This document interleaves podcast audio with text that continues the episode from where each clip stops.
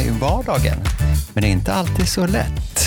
En som har gått till botten med detta är Jessica Cederberg Bodmar som har skrivit boken om 50 myter om hållbarhet. Finns det så många myter om hållbarhet? Det finns så många, många fler. Det var faktiskt en ganska svår uppgift att bara sålla fram 50. Så du menar att det finns ännu fler? Men jo, men det, det finns det alla gånger. Det hade säkert kunnat bli både 150 och 250. Men jag tog de 50 som kändes som de mest eh, vanliga och också de där man kan göra stor skillnad själv. Sen tror jag säkert att om någon annan skrev liknande så skulle de komma fram till massa fler. Så det, det, men de, de vanligaste myterna tog jag. För att Vilken skulle du säga är den vanligaste? Den vanligaste tror jag handlar om återvinning. Eh, och Ska man eller ska man inte skölja förpackningen och hur gör man med det? Det är en av de vanligaste myterna. Men sen finns ju de här med maten och med resandet och också det här med hur man ska bete sig, alltså etiskt. Om det spelar någon roll om man säger hej till sin granne eller inte. Och kaffet förstås. Ja, och det kommer vi komma in lite på senare Just i podden. det. tänker jag. Men hur kom du in på det här? Ja, men Varför jag- vill du spricka hål på de här myterna?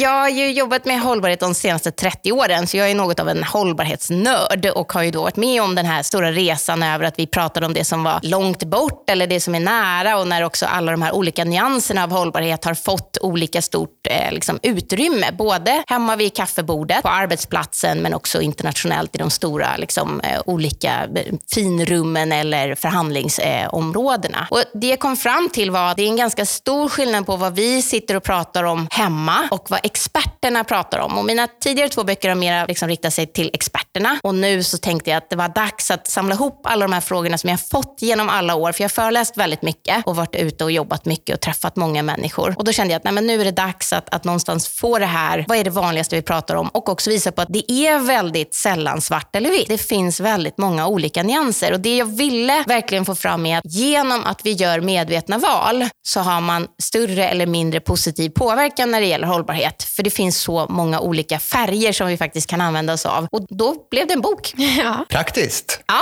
Något att hålla sig i, höll jag säga. hålla sig i, inte hålla i, utan hålla sig i. Kanske på dock. Ja. Men som sagt var, det är ganska lätt att gå vilse i det här. Mm.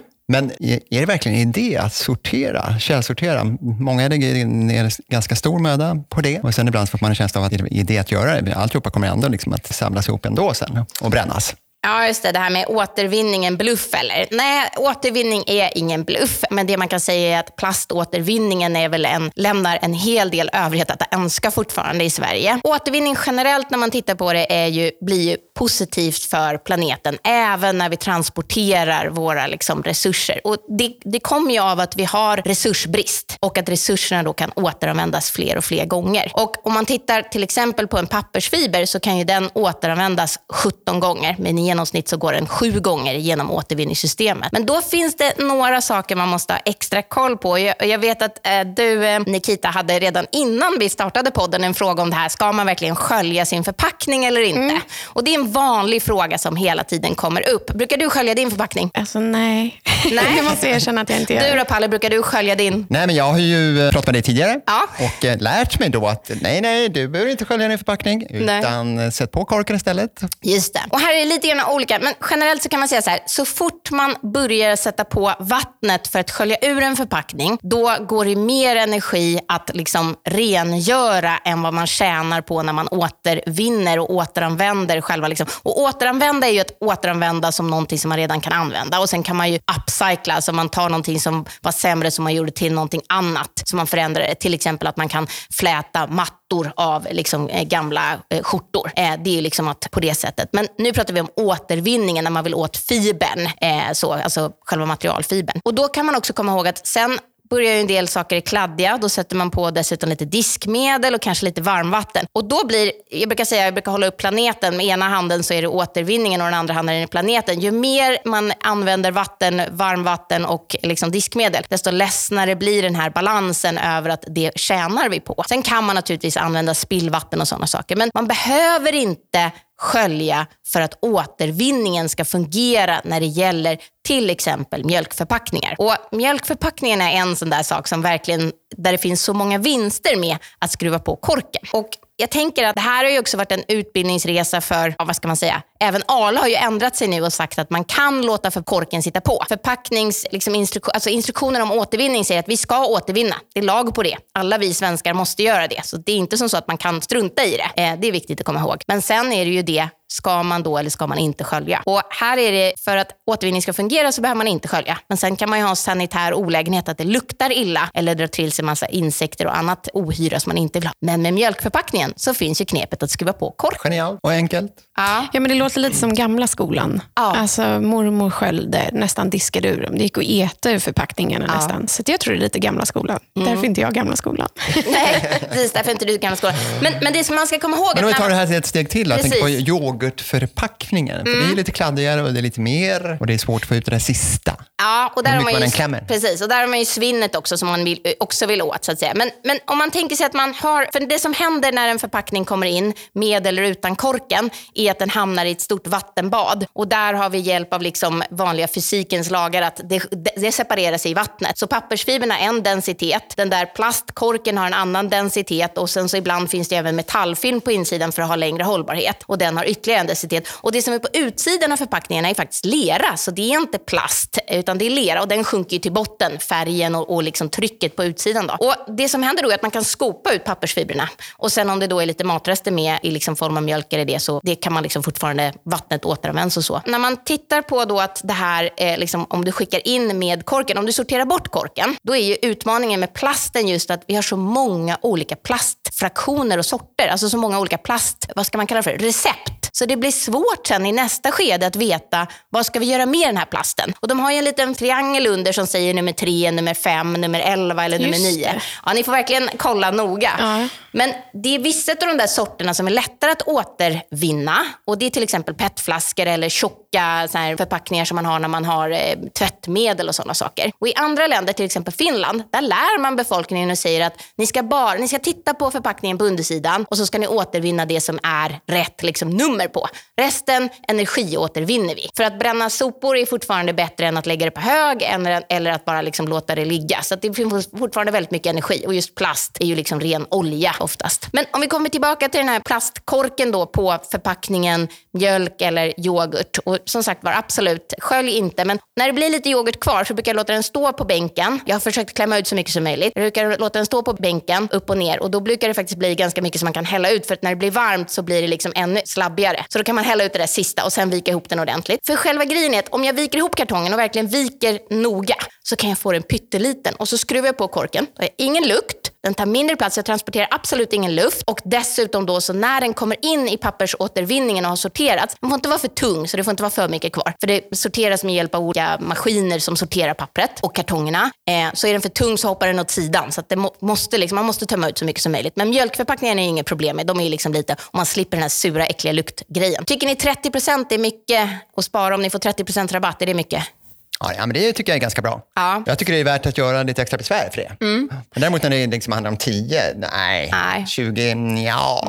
30, ja. Ju lite Ja, grann. då såg det lite annorlunda ut. Ja. För att alla våra mjölkförpackningar med kork på, eller filmjölksförpackningar eller vilken typ av förpackning det nu är med en kork på, plastkork på, de hamnar på ett och samma pappersbruk i Sverige. De skickas till ett och samma ställe. Och de har en egen energiutvinning på pappersbruket. Och när de då har tagit ut och skopat ut sina pappersfibrer som de då återanvänder när de ska fortsätta att göra papper eh, av olika sorter och slag, så brukar de också i normala fall skopa ut. Det sitter ju alltid en liten pip kvar i alla fall. Även om du inte skickar med korken så sitter det ju en pip kvar på plastförpackningen i alla fall. Den skopar de ur och eldar då för energi energiåtervinning eller energiutvinning. Men när ni låter korken sitta kvar så får de 30% mer energi i sin Ja, anläggning. det, det låter ju fantastiskt. Ja, men det är mycket faktiskt. Ja, jo, jag förstår, jag förstår det. Menar, det, Ja. det kan ju vara liksom en morot till att låta sitta kvar. Och Det som händer när man skickar korken åt andra hållet då, det är att den åker runt i sorteringssystemet och man tittar på vad är det som ska hända med den och så här många korkar har det kommit in och det liksom går i den statistiken. Men sen hamnar det i alla fall i den där stora svarta sopsäcken i slutet av sorteringsanläggningen som sen skickas tillbaka till energiutvinning. Så att det, det blir... Alltså det blir brän- bränning. Ja, det är- eldas upp för energi då också. Men då har den liksom transporterats runt. Eh, så. Och då tycker jag att nu har man tränat på det där i 15 år i Sverige. Nu är det liksom nog. Så. Vi, vi kan bättre. Vi svenskar är tillräckligt duktiga och fattar. Liksom. Om finländarna fattar att sortera så kan vi också göra det. Och här tycker jag att det behövs en tydligare styrning över hur ska man göra. Och inte bara säga att sortera allt. Liksom. Nej, men för det tycker jag är lite svårt faktiskt. Lite det du är inne på. Att veta hur och när och var. Och. Så, alltså jag har en nära tjejkompis till mig, Anna heter hon. Hon är liksom, alltså jag vågar ju knappt laga mat med henne. Hon bara, nej fel, det ska vara där. Så jag samlar ju allt skräp på diskbänken och sen så sorterar hon ut det. Liksom. Alltså Hon är manisk när det kommer till det här. Medan jag jag har märkt flera gånger att jag har lagt plast som jag tror plast och så kommer min sambo och bara så här, nej det där är ju vanliga sopor. Fast för mig är det, alltså det, det, det är svårt. Men, och här måste man någonstans välja. Liksom. Vill jag vara med och fortsätta träna systemet, som ju någonstans blir bättre och bättre. För alla de här mjuka plasterna som ni skickar in och svart, svart plast kan idag inte återanvändas. För stora loggor på för förpackningar har en typ av plast medan själva förpackningen är av en annan typ av plast. Och då är det, när det är optisk läsning så läser den av den yttre delen av förpackningen och då tror den att det är en typ av plast och så sorteras den som det och så kan den inte återanvändas i alla fall. Så att Problemet är att systemet är för dåligt och att vi har för många typer av plastrecept. Och vill man vara med och träna, fortsätta träna, absolut, fortsätt då, men diska absolut inte. Vill man inte göra det, ja, men då måste man ju faktiskt sätta igång och liksom ställa högre krav. Så att bara slänga det i liksom energiutvinningen och inte göra någonting, nej, det får man inte göra. Men att faktiskt sätta ner foten och säga att det här bort blir bättre, det kan man absolut göra. Så vi kan säga att det är skillnad på plats, plast och plast. Och plats och plats. Det också. Var den ska vara. Och papper Precis. och metall och glas. Och det man kan säga också... Men vad tycker du vad behöver göras då? Jo men som sagt var, det som det som är sånt som är tungt och som inte brinner, det ska man naturligtvis alltid vara jättenoga med och se till Nej, jag, tänker, jag, jag tänker ja. egentligen från uh, myndigheternas sida ah. kanske, eller producenternas mm. sida, så att det verkligen blir rätt, så att eh, folk får möjlighet ja, men Vi som konsumenter sortera. måste ju ställa kraven. Vi har en enorm makt och skulle vi sätta ner foten här så tror jag att det skulle bli eh, liksom snabbare omställning. Jag vet att man jobbar på det och man har ju också utmaningar med att, alltså, vad ska man använda den här återanvända plasten till? Nu när man dessutom har sagt att man inte liksom, kan den får inte användas i matförpackningar för då är den för smutsig och så vidare. och Så vidare. Så här behöver man ett tydligare liksom styra från början. Vilka typer av plaster gör man för att tänka i hela cirkeln, liksom, hela kretsloppet. Vad ska man göra med dem sen? Så ett cirkulärt tänk behövs till här och då behöver man ha bättre beslut. Men vi som konsumenter kan ju fortfarande göra mycket och ställa krav. På din bok står det ju sant och falskt om allt från kaffe, shopping, flyg, återvinning till sushi och grannar. Sushi och grannar, kan vi gå in på det? Kan man återvinna sina grannar? Nej, alltså, jag pallar inte med Persson till vänster om mig. Ja, man ska nog skilja på att återvinna sina grannar. Nej, absolut inte återvinna sina grannar. När det gäller grannarna så vet vi att om man vill ha ett inkluderande samhälle med bra öppna öppenhet, med trygghet och alla de delarna, då finns det vissa saker som spelar stor roll. Och Här tror jag att vi också ska komma ihåg att hållbarhet har flera dimensioner. Vi har pratat länge om den miljömässiga dimensionen, vi har pratat länge om den ekonomiska och den sociala, men vi har också den etiska dimensionen. Och Jag tänker också att här har vi pratat om, ska vi ha fler poliser, ska vi ha, ha liksom privata vakter och så vidare. Men det som undersökningarna och fakta visar, och det ska sägas att boken bygger på eh, liksom vetenskaplig fakta. Det är inte jag som har suttit och hittat på de här sakerna. Den är liksom granskad också, så det är det. Men att själva poängen handlar om att när vi säger hej till vår granne och bekräftar varandra så ökar tryggheten. Och när tryggheten ökar så ö- minskar också alltså brottsligheten minskar och alla de här sakerna. Och från försäkringsbranschen så har man tittat väldigt mycket på det här. För det här är oerhört stora kostnader när det ständigt blir inbrott och man har hela tiden då att man behöver öka liksom premierna eller man kan inte öka premierna och så vidare. Så det man har tittat på där är att sätta in liksom åtgärder som ökar grannsämjan. Och att då säga hej till sin granne har faktiskt mycket stor betydelse. Ibland faktiskt större betydelse än att ha fler poliser eller vakter i ett område. Så det handlar helt enkelt om social hållbarhet? Det handlar absolut om social hållbarhet och också att det är trevligt. Jag vet inte hur många gånger ni har bjudit er, er granne på en kopp kaffe, men det är också en sån här sak. Nu i coronatider är det ju svårt, men annars är det en, en väldigt enkel jo, sak att göra. Det såg jag dagen faktiskt. Det var ja. som hade satt upp ett kaffebord på trottoaren mm, utanför. Där satt ett gäng eh, panschisar kan man säga att det var. Ja. Tänkte, men man ser det lite mer på landsbygden, måste jag få säga, ja. än vad man gör i Stockholm. För i Stockholm är man bor så himla tätt och man är nästan trött på se sina grannar. Jo, men alltså, det är lite den mentaliteten. Mm. Ja, nej, men nu ska du flytta ut till radhus och där kommer det... Kedjehus om jag får Kedjehus, ursäkta, ursäkta nej, noga. Men... ja, det är lite annat faktiskt. Ja, och det längtar jag efter måste jag säga, för jag är väldigt social. Alltså, jag tycker att man oavsett var man bor någonstans kan kosta på sig att säga hej till sin granne. Ja, men det är inte lika kul när man inte får svara tillbaka. Det är det nej, jag menar. Jag säger hej till alla. Folk nej, bara, vem är hon? Ja, men jag håller med om det. Men ju fler gånger man försöker och, och har man grannen så är det ju desto oftare. Nu i man gick ju också ut och sa att det var viktigt att man skulle säga hej även ute på gatan. Det var ju till och med ministrar som har varit ute och sagt det nu i, i coronatiden, att liksom passa på nu att liksom så här, de ni möter säger hej och så. Så det här är någonstans, alltså vi är väldigt privata av oss, jag, jag vet det. Men någonstans så behöver vi också ta det där steget och att säga hej betyder inte att man behöver bjuda varandra på middag och bli bästa kompisar. Men det, det spelar roll att man visar att man ser en annan människa, att man faktiskt delar ett utrymme och att man också respekterar dem och säger hej. Och det behövs inte mer än det och det gör en väldigt stor skillnad. Social hållbarhet. Mm. Sushin då? Ja, sushin då. Men, många, många säger så här, ja, men, åh jag var så duktig idag, eh, jag lät bli köttet och så åt jag sushi. Är det hållbart? Jag har ingen aning. Nej. Jo, men vänta, vänta, jag må- måste ju få spekulera. Man brukar säga att det är ju hållbart att äta fisk som kommer ifrån haven. Om de inte fiskas ut förstås. Och sen så har vi också hört att Importen biffen belastar ju eh, klimatet. En kossa brukar man säga motsvarar en bil. Men det kanske också är en myt, vad vet jag? Låt höra. Ja, nej men här är det ju intressant för här finns det ju många nyanser. Och du har alldeles rätt att en ko kan ha väldigt stor klimatpåverkan. Men en fisk kan också ha väldigt stor klimatpåverkan utifrån att den då, beroende på vad den äter. Och väldigt många laxar, eh, till exempel då, som ingår i sushi ofta, är uppfödda på soja och den skövlar då regnskogen. Det finns en myt som säger vegetarianer skövlar regnskogen. Eller veg- vegetari- och det är inte vegetarianerna som gör det, utan det är att vi odlar så otroligt mycket soja i regnskogen. Alltså vi skövlar regnskogen för att odla soja, men det blir sen mat till en del biffkor, men också till grisar, kycklingar och laxar. Och Då har vi en enormt stor påverkan och en lax behöver väldigt många kilo foder för att bli ett kilo tung. Så, så att man har en stor påverkan med laxen och det är också som så att i Norge så har man fått undantagsregler för hur mycket antibiotika och andra liksom, förebyggande mediciner man får skicka i laxarna.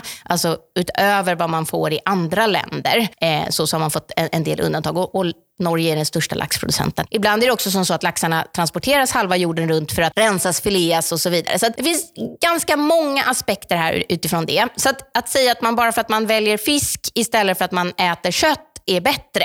Nej, det behöver absolut inte vara. Sen finns det ju hälsoaspekter. Vi vet att rött kött är inte bra ur en hälsoaspekt och det måste man också ta med. Medan fisk är bättre då ur liksom att det är bra fetter och sådana saker. Så det finns många saker här. Min poäng är också att det finns ju ris till som man också har och det har också en väldigt stor påverkan på, beroende på vilket ris man köper och så vidare. Min poäng är sushi är en lyx. Det är inte en vardagsmat. Kött är inte heller en vardagsmat. Det är också en lyx. Så att överkonsumtionen, att man äter massor eller att man till och med slänger. Alltså den största hållbarhetspåverkan vi har, oavsett om det är, är liksom ekologiskt eller om det är närproducerat eller om det vad det nu än är för någonting, det är att inte slänga maten. Och då är sushi en lyx. Det kan man äta ibland, men då måste man också komma ihåg att den ska vara certifierad fisk så att man inte äter någonting som gör att vi utrotar haven. Liksom. Så det är den viktigaste delen när det gäller sushin. Så därför är sushin med. För många kommer ju säga, åh, kolla vad, vad, vad hållbar jag är idag.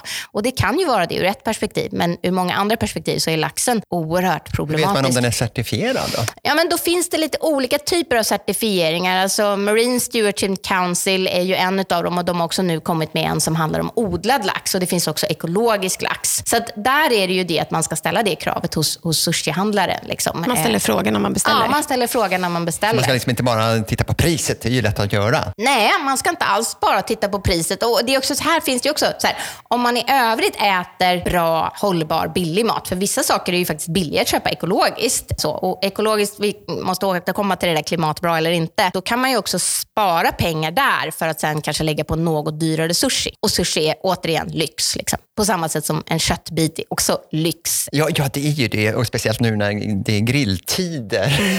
Men man Men har på- avokadon men- också. Eh, alltså om vi nu pratar om sushin. För det kan jag också få säga, ah, men kolla nu då Jessica, nu åt jag massa avokado här på min sushi. Jag hoppade över laxen. Ja, men en avokado tar 1248 liter för att odla ett kilo avokado. Eh, så att det är en extremt vattentung gröda och vi vet också att svinnet på avokado är oerhört stort för att de liksom transporteras eh, och är väldigt känsliga. Så att igen så finns det aspekter där man behöver säga, så här, sushi som lyx, ja. Sushi som alltid hållbart, Nej, det går inte att säga eh, det på det sättet. Även avokado kan man säga är lyx då. Ja, om man inte kör på fryst ekologisk avokado som faktiskt har en väldigt bra, ett bra avtryck på det sättet. Men avokado har orsakat liksom att floder och annat har torkat ut för att man använder så mycket vatten till det. Och Det är det där jag också menar med att alla säger så här, men åh vad bra, då är jag vegetarian och då är allting jättebäst. Äh, det är säkert otroligt mycket bättre än om du är köttitarian och bara äter kött. Men det finns aspekter här också. Men min poäng är att ät upp det du får på tallriken. Försök att välja sånt som är säsongsanpassat och också se till då att till exempel när det är avokado så är det faktiskt bättre att köpa en fryst avokado där man vet att kvaliteten alltid håller. Sen finns det vissa gånger då man vill ha färsk avokado och det är godare och alla sådana saker. Okej, men köp då en riktigt bra avokado som du vet är liksom har... Alltså ja, för det är lite ett lotteri när man köper avokado. Mm. Köper man i nät så är de för hårda och så väntar man för länge så är de svarta. Och Sen har jag lärt mig knepet att man ska ta bort den här lilla roten. Är den grön så är det en bra avokado. Har den brunat? Nej, då är den brun inuti. Mm. Eh, men det är ett lotteri. Men vad ska man grilla då i grillsäsong? alltså tänker jag, vad är min entrecote? Ja. ja, men ska vi ta köttet då? Ja, nej, men det gör vi. Det gör vi. Mm. Jag säger, ja, precis. Jag säger eh, svenskt, bättre med svenskt kött, ja, säger jag. Det är eh, liksom nummer ett. Ja, det, det är nummer ett. Liksom så. Men då måste man komma ihåg det där som vi pratade om, att man ska inte äta för mycket kött. När jag, jobbade, jag jobbade i åtta år på Naturvårdsverket och då jobbade jag också med folks attityder till klimatfrågan oerhört intressant. Statistiknörd som jag är så tycker jag det var jätteintressant. Första gången vi frågade och skulle göra en attitydundersökning till vad man, liksom, hur klimatattityderna var så frågade vi hur ofta man åt kött. Och då svarade svenska folket rakt av att man, och då är det ett statistiskt urval. Så när jag pratar om svenska folk pratar jag om alla som bor i Sverige. Det är, liksom, det är statistiskt så hela. Från 18 upp till 70 år gamla. Bara så att vi är tydliga med det. Men då, då svarade man att man åt kött en gång i veckan. Det är så här, men det kan inte stämma. Nej, för köttkonsumtionen hade ju ökat liksom dramatiskt redan då. Jag, jag jobbade där liksom på, ja, det är länge sedan. Men i alla fall, så var det som så att när vi sen började titta på de där svaren, för vi gjorde ju först en, en förundersökning och då började vi titta på att men det där kan inte stämma. Men då var det för att när man svarade på frågan så svarade man ofta man åt en hel köttbit, din entrecote. Man mm. svarade inte på kyckling, man tyckte inte att köttbullar, korv, pålägg, det räknades inte som kött. Nej, eh, därför att det, det var liksom inte en annan sak. Det var vardag. Ja, det var inte kött. Det var ju korv, eller det var kyckling, eller det var liksom pålägg. Så vi var tvungna att specificera mycket mera eh, tillsammans med liksom experterna som var experter på det här. Då. Och det, det var en väldigt bra lärdom. Men det som man tittar på när man tittar på kött så kan jag säga så här att man ska inte äta för mycket och man ska välja riktigt bra kött. Och då, utifrån det perspektivet då, så är svenskt kött bättre än många andra saker när man tittar på både eh, liksom hanteringen av djuren, alltså den etiska djurskyddsaspekten, när man tittar på antibiotikan och när man också tittar på att svenska djur har större frihet att vara ute. Och sen tycker jag ju då att mularnas mångfald, alltså den här biologiska mångfaldspoängen med att djuren har betat ute, finns också. Och vi har också det här med levande landsbygd som är viktigt. Så här finns det många plus man kan göra om man väljer de här sakerna. Medan om man tar en importerad oxfilé från Brasilien som flögs hit och som hade betat på liksom skövlad mark, eller till och med en, en biffko som är uppfödd på soja, ja, men då har du ett helt annat avtryck. Så den här brassebiffen, den ska man försöka undvika? Ja. Brassebiffen, vad är det? Jaha, brasse. ja, vad är det för märke? Ah. Alltså kött från Brasilien. Ja, jag fattar nu. Du vill ju ja. vara lite... Men också eller, eller, eller kött från regnskogen, kan man ja, säga. precis. Och det står ju inte. Det står inte kött från regnskogen, så står det ju inte. Nej. Men, men någonstans här så... Och inte brassebiff heller. Nej. nej. Men någonstans här så kan jag tycka så att, att man får tänka sig för. Och, och, samma sak där. Det man gör ofta har större påverkan än det man gör sällan. Och Det är också en viktig aspekt att ta med.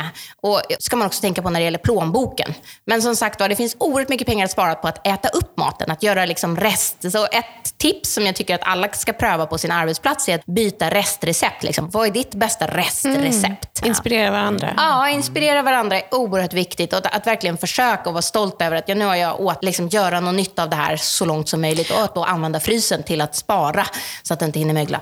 Och hur är det med det där med bäst före-datum? För det är jag ofta i diskussion med. Jag har en vän som slänger all mat. Alltså, och jag kan ju äta yoghurt. Jag luktar ju på saker. Liksom.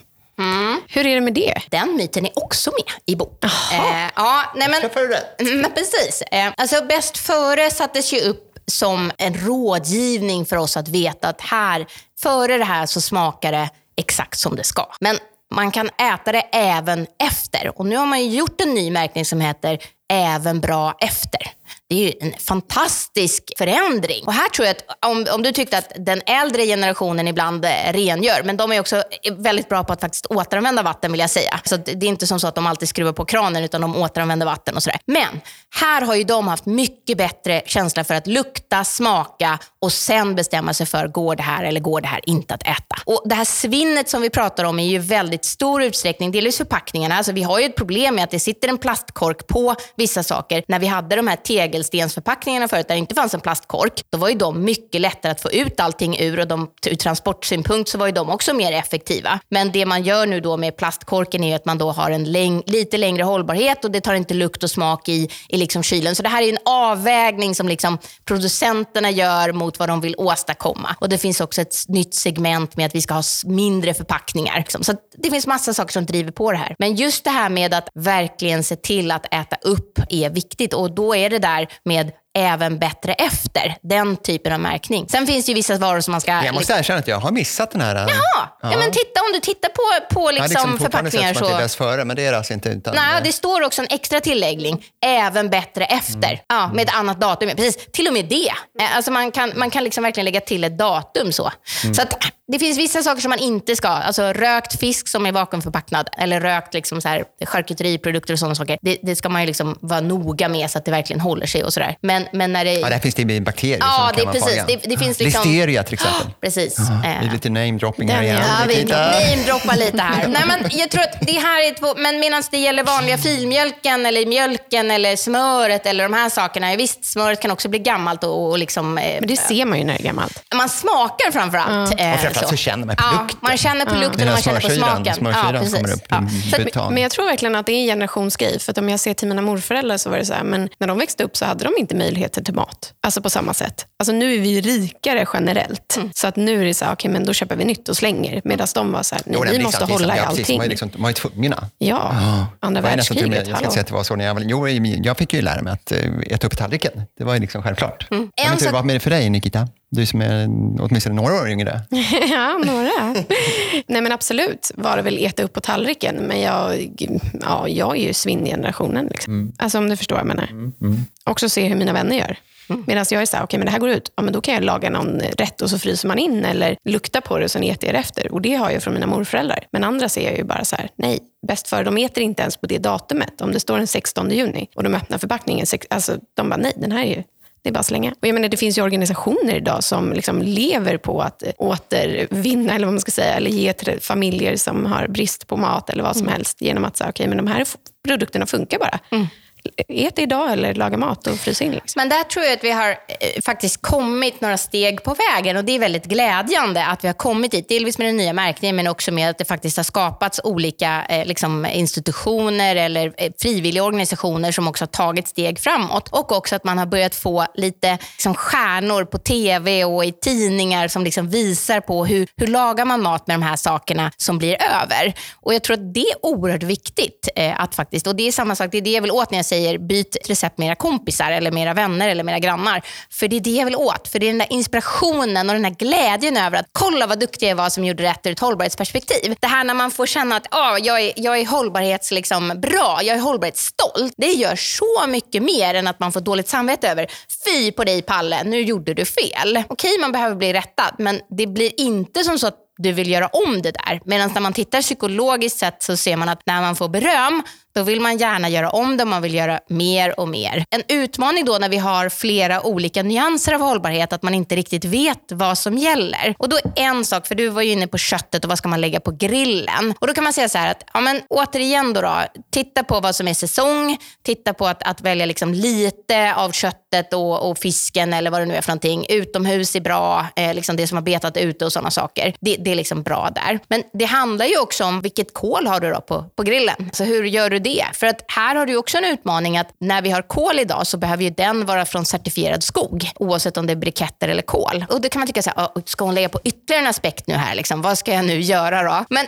det är så enkelt för där finns det liksom certifieringar på det och, och, det är viktigt. Och Sen så kan man säga så här, är kött bra eller dåligt? Är Ekologiskt bra eller dåligt? En ekologisk morot om du nu grillar den, den kan vara ur ett klimatperspektiv faktiskt har större klimatpåverkan än en icke-ekologisk morot, alltså en konventionell morot. Men det är alltid bättre för planeten med en ekologisk morot därför att den bidrar till ökad biologisk mångfald. Den har inga kemikalier, pesticider, alltså bekämpningsmedel. Den har ingen konstgödsel och det är alltid liksom ur ett vattenperspektiv att inte använda de sakerna bättre. Så jag brukar säga så här, det behöver inte vara klimatbäst men det är alltid planetbäst med en ekologisk produkt. Sen kan det finnas många produkter som är väldigt bra ur ett klimatperspektiv när det gäller ekologiskt också. Men alla saker som har en stor påverkan ska man tänka att ät lite och ät upp. Alltså att inspirera varandra. För jag tänker så här, Det är många gånger man har stått i kylskåpet och bara, jag, jag har ingenting. Men jag kan ju koka soppa på spik. Ah. Alltså jag är ju så idé. Alltså det bara sprudlar. Medan andra bara, nej jag har de här, det här kan jag inte göra. Det kommer bara till dig. Ja men det kommer bara till mig. men vet du, det finns faktiskt en app där man kan nu gå in och lägga in vad man har för någonting. Som sen skickar ut massa recept. Ja, Okej, har du de här sakerna så kan du göra det här. Ja, digitaliseringen är inte alltid dålig. Den är nej. faktiskt riktigt bra på många sätt. Det är väl ett bra ingång till eh, Tre snabba tänker jag. Ja, nej, men jag kan ju känna det också att det börjar bli läge för det. Vi kör igång direkt. Ja.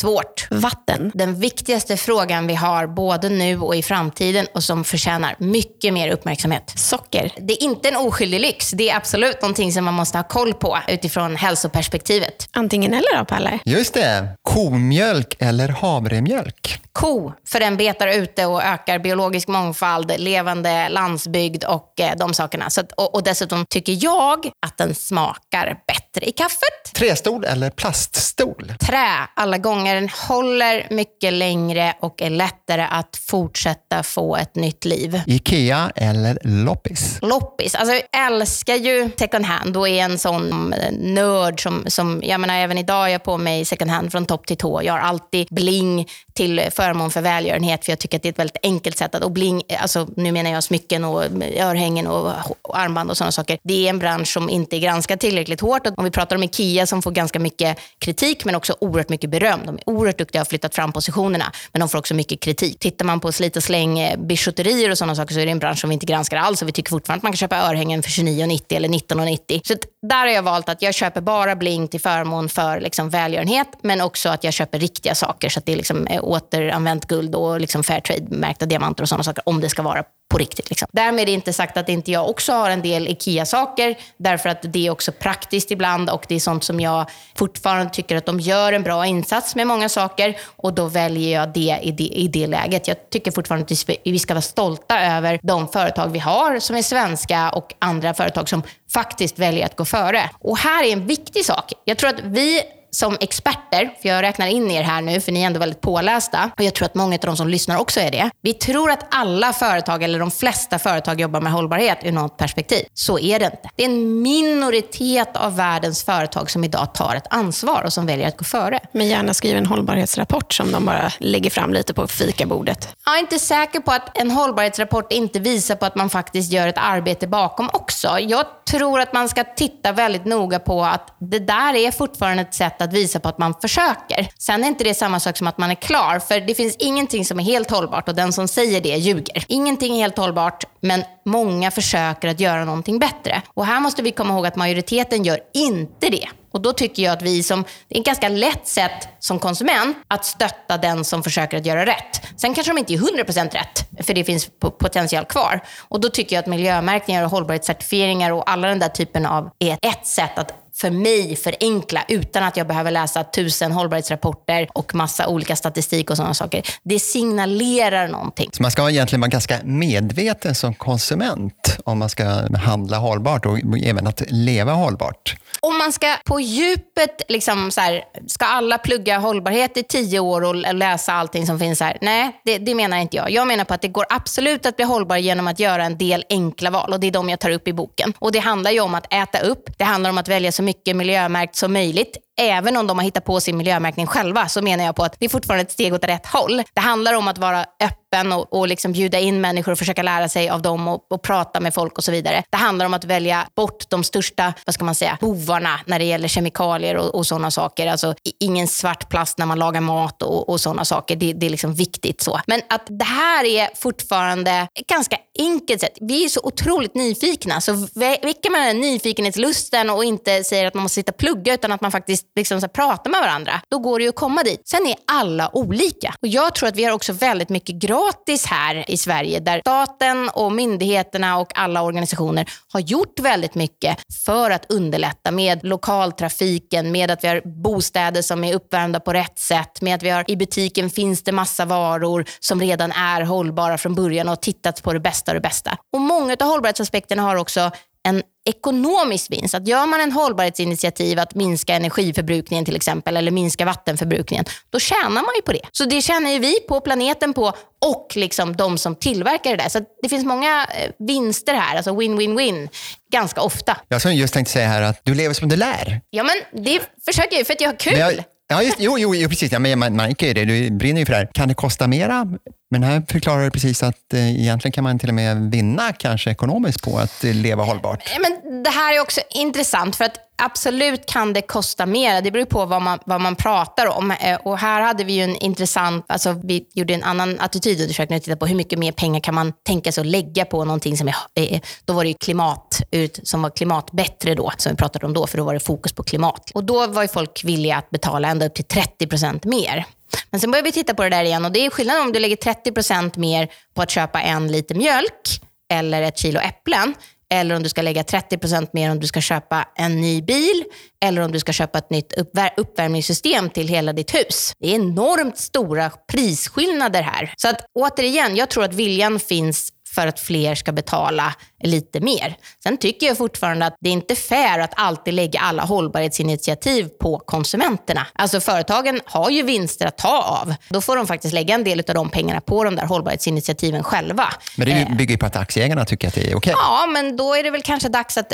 det finns många som tycker det också. Det, och, och det är här som jag menar på att man måste titta på fler aspekter och då behöver man räkna bättre och räkna mer. Alltså planeten har också en kostnad. Vattnet har en kostnad. Våra fjärilar och bin har en kostnad. Men också också våra liv har en kostnad och det är här också som om man har ett roligt liv så, så blir det lättare. Och sen en viktig aspekt där, det är ju att jag menar, vi lägger, åtminstone vi i Sverige, lägger ju faktiskt bara 10 procent av vår disponibla inkomst just på mat. Mm. Och jag menar, höjer man, eh, lägger man på 30 procent, då blir, kommer upp på 13 procent ja. av sin inkomst. Och det är fortfarande väldigt lite. Men jag gör en jämförelse, för det finns en jättekul, eller så här, viktig studie som visar på hur mycket pengar vi lägger. Och då, då är det över 450 kronor i månaden lägger genomsnittssvensken på tobak och alkohol. Medan eh, vi lägger mindre pengar, jag tror att det var 200 eller 300 kronor på, på frukt och grönt. Och, och här, ja, men, och jag säger ja. inte att man, så här, men vad jag menar är att det finns ju, beroende på hur man tittar på det, så finns det alltid utrymme. Liksom. Och äter man fem färgglada frukter och grönsaker om dagen, vilket är rådet, vi behöver äta mycket mer grönsaker, då blir det en bättre hälsa och man mår bättre.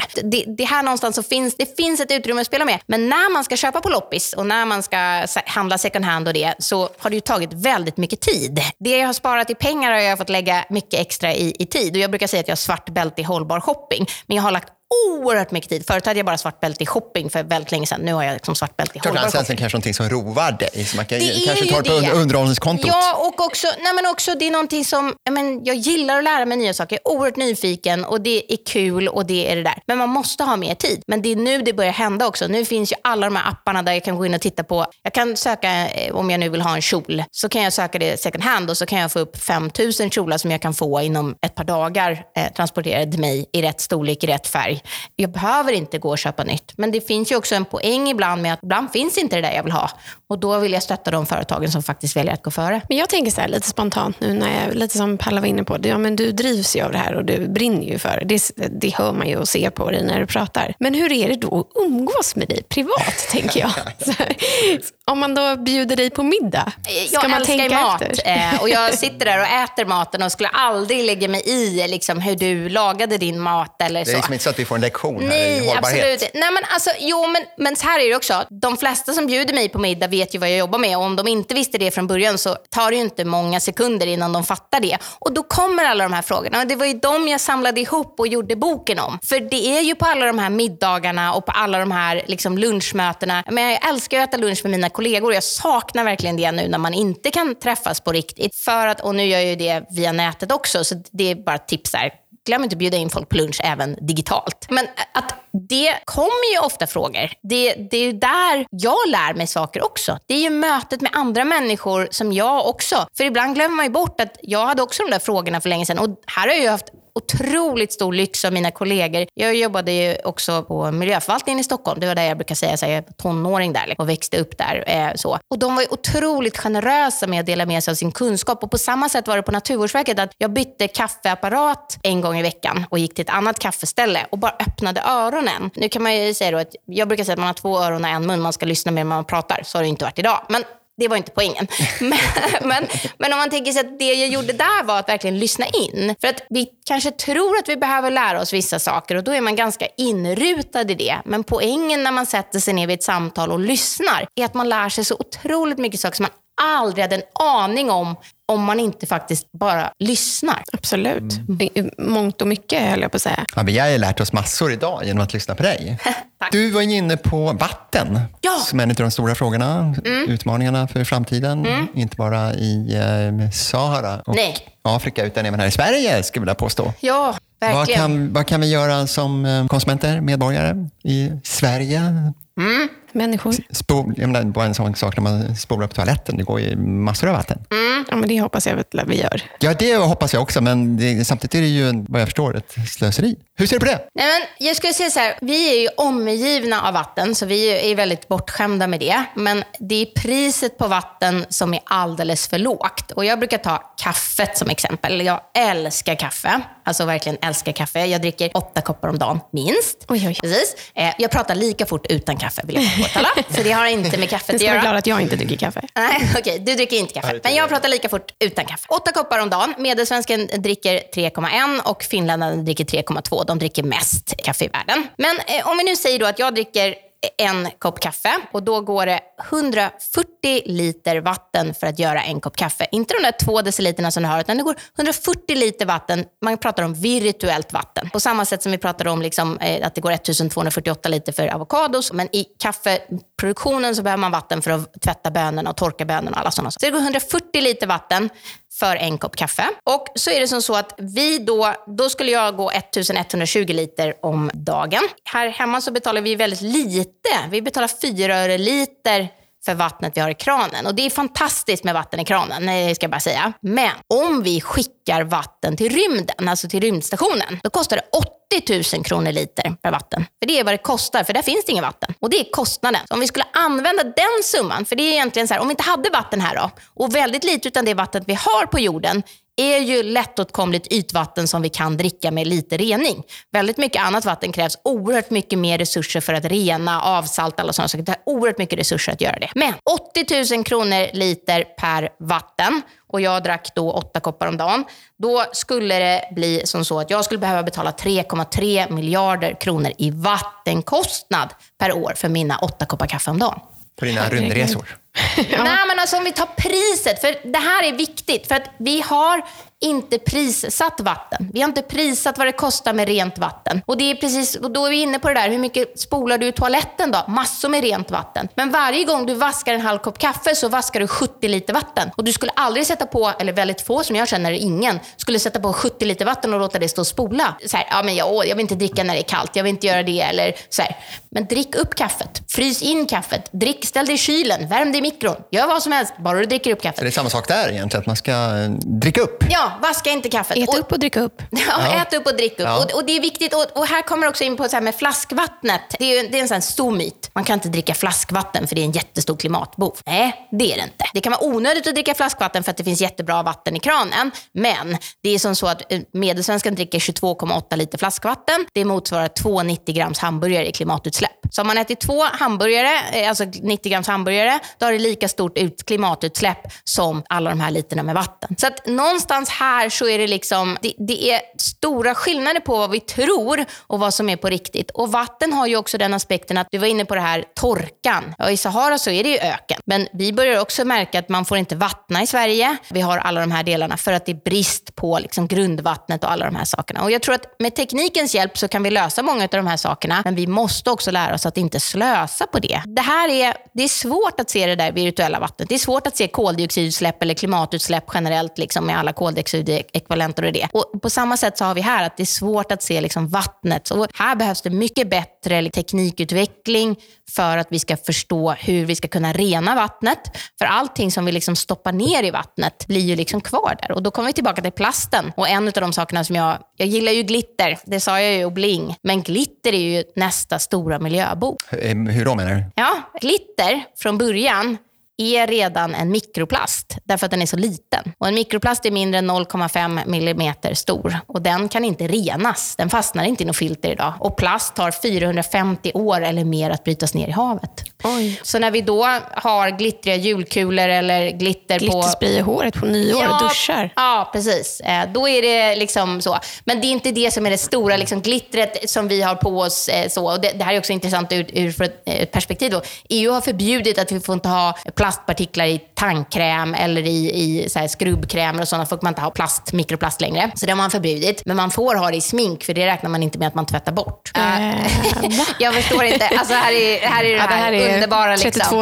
32, 32 precis. års gammalt smink. Ja, ja, ja men det, det är väldigt märkligt. Men när man ska ta bort det där så ska man se till att det inte hamnar i vattnet. Och när man sopar golvet så ska man se till att det inte hamnar i vattnet. Men den största liksom, utsläppen av mikroplaster är ju det som vi kommer när vi tvättar våra plastkläder. Alltså allt ifrån liksom, sportkläder till eh, liksom, fleecetröjor och annat som är plast i. Ja, du menar alltså typ sådana här funktionströjor till exempel? Ja, som är i plast. All, all plast som tvättas släpper mikroplaster. Här finns det ingen... Och det hamnar sen i eh, sjöar och vattendrag? Ja, det gör det. Vi pratar om plastpåsarna, men även mikroplasterna kommer i havet och tar också 450 år att liksom bryta ner i naturen och, och det är liksom ett problem. Och sen har vi då små plastpartiklar som också då uppfattas som mat för djuren. som också är ett problem. Men mikroplasterna då, de här små, de liksom klumpar ihop sig och dras till varandra och bildar då tillräckligt stora plastöar som som gör att de uppfattas som mat. Mat för firarna. Och så äts de och sen så liksom blir det sådär. Så att, Men menar du alltså att man ska undvika, låta bli eh, funktionskläder och istället bara köra bomull? Alltså jag säger så här, naturmaterial är, har väldigt bra fördelar när det gäller mikroplasterna och utsläppen. Sen kan ju bomull vara väldigt tungt när det gäller vatten i övrigt eller kemikalier och, och även där då får man titta på liksom, vilken typ av bättre bomull köper man. Är det bättre Cotton Initiative eller ekologisk bomull eller återvunnen bomull eller är det second hand? Men en naturmaterialkläder har en annan, liksom, sl- i slutskedet av sitt liv, alltså när man tvättas och alla de sakerna, när det liksom har kommit hem från, från butiken, så har det mindre påverkan när det gäller just eh, mikro, liksom och utsläppen. För en bomullsskjorta släpper inga mikroplaster. Sen kan det släppa andra typer av, av liksom mikrofiber. Men det är liksom skillnad här. Så man kanske ska satsa på kläder ifrån eh, skogen? Jag tänker på det här materialet viskos. Ja, viskos är ju inte oproblematiskt heller. Nu jobbar Inte jag ju heller. dessutom inom Inte textilindustrin. det heller förstås. Nej, där, enkelt men, inte. men, det, men det blir bättre och bättre. Alltså, viskosen har ju haft problemet med att man inte haft slutna system eh, som har gjort att kemikalierna som har kommit ut i naturen och med vattnet är, är, är liksom oerhört dåliga med stor negativ eh, påverkan. Men lyocell som är gjort på liknande sätt har ett slutet system och därmed så är det då mycket bättre. Och som sagt var, även kläder ska man komma ihåg att ge dem så långt liv som möjligt är viktigt och jag brukar säga då att jag väljer kvalitet och naturmaterial från början för då vet jag att det håller längre. Sen vet jag att funktionsplaggen liksom så, men här börjar det komma lagstiftning eh, så att det- börjar hända saker här långsamt och så. Men idag finns det inte ens en standard som mäter hur mycket mikroplast kommer det ut när du tvättar din fleecejacka eller din, dina funktionskläder. För att man, det finns ingen standard och då är det svårt att veta. Ena gången så, så räknar man på ett sätt och då kommer det ut 500 och nästa gång så räknar man och då kommer det ut 500 000 mikroplaster. Det är återigen en omogen, och det är inte vi som konsumenter som ska gå in och säga, vi måste gå in och markera att det här måste bli bättre. Men jag tror att det, börjar, det där fönstret börjar liksom krympas för de som producerar också. Sen är plast fantastiskt på många andra sätt. Inom sjukvården, vi skulle aldrig ha kommit så här långt. Och plasten på gurkan gör ju att gurkan håller så otroligt mycket längre. Så plasten är, eh, som jag sa, svår. Det finns bra saker och det finns jättedåliga saker. Och ibland så kan ju en, jacka med plast på utsidan som man inte tvättar så ofta vara jättebra för den är vindtät och står emot regnet och sådana saker. Men man vill inte ha PVC i sin regnjacka. Men det låter grann här sammantaget som att privatperson kan man göra ganska mycket Mm. själv genom att bli mer hållbar och få en hållbar värld. Men producenterna kan göra ännu mer och politikerna i samarbete. Och även det som ni gör nu. Alltså ni är ju typ en typ av, eh, av liksom kommunikationskanal. Och Det är ju också en oerhört viktig del att, att fortsätta vara den här bra ifrågasättande rösten och att, att visa upp de här sakerna och att visa på de här olika nyanserna. Men absolut, politikerna måste bli modigare. Företagen måste ta större ansvar. Och Det är ju här som vi som konsumenter har oerhört stor makt. Alltså vem du ger dina pengar eller vem du röstar på eh, gör jättestor skillnad. Så att, att, att rösta med plånboken och att rösta med sin röstsedel, oerhört stor påverkan. Men jag menar, ett företag som får in åtta klagomål tycker att det är en storm. Så att om åtta personer hör av sig och säger, liksom, och det tycker man även på regeringskansliet kan jag säga. Så jag brukar vara stenhård. Jag skickar in och säger att nu måste ni ändra på det här, liksom, som, på, som privatperson men också som, som liksom hållbarhetscoach. Och ofta brukar de bli ganska tacksamma ja. för den typen av synpunkter. Och det ja. kanske till och med man får, det har jag fått åtminstone. Jag fick en, ett presentkort tillbaka på 100 kronor, så där, som tack för hjälpen. Mm. Ja men precis. Alla, eh, alltså jag tror att många företag vill ju faktiskt bli bättre. Och Många politiker vill veta att det de håller på med är någonting som är på väg åt rätt håll. Och Det som vi konsumenter vill är ju någonstans att, att alltså många av oss drivs ju av att man vill göra bra saker på rätt sätt. Och Då kan man ibland bli väldigt frustrerad när man förstår att man har gjort fel. Men det är inte samma sak som att man ska ha dåligt samvete för det flera år tillbaka. Utan man ska tänka så här, okej okay, nu fick jag lära mig något nytt eh, och så gör jag på det här sättet istället. Det känns lite grann som att vi kanske bör eh, tacka tacka Jessica Cederberg Bodmar så jättemycket för den här, jag ska inte kalla det för lektion, för det var ju ett... En, jag har lärt mig massor. Ja, jag, jag också, men jag tänkte fråga Nikita vad, vad du tar med dig. Oh, men gud vad svårt. Jag menar att jag borde bli bättre faktiskt på att källsortera, lära mig mer. Inspirera andra och hur man kokar mat på spik, eller soppa på spik. Det är min grej tror jag. Fortsätta säga hej till grannarna. Bravo. Sushi är ingen lyx. Jo, sushi är en lyx. Sushi var en lyx, ja. Det var så det var. Ja. Men ingen vardagsmat. Ingen vardags lyx kan man säga. Nej. Nej. Och lite eh, allt i allo. Vad tar du själv med dig? Jag tar med mig eh, nyttan av sortering. Jag hade nästan gett upp där ett tag och tänkte att alltihopa skulle liksom samlas i en eh, hög och sen bränner man upp det. Men nu har jag förstått här att så är det inte riktigt, utan det finns anledning att göra det. Så jag kommer att gneta vidare och mm. återuppta mer sortering. Så vi gnetar vidare helt enkelt i Naturvetarpodden och tackar Precis. dig så himla mycket för att du kom hit. Tack snälla för att jag fick komma och tack för att ni är såna duktiga hållbarhetshjältar och också jätteduktiga på att verkligen vara öppna med vad ni själva vill veta och vad ni vill bli bättre på och fortsätt att dela mer av er kunskap till nära och kära och till kollegor. Det gör väldigt stor skillnad och att dela kunskap är gratis.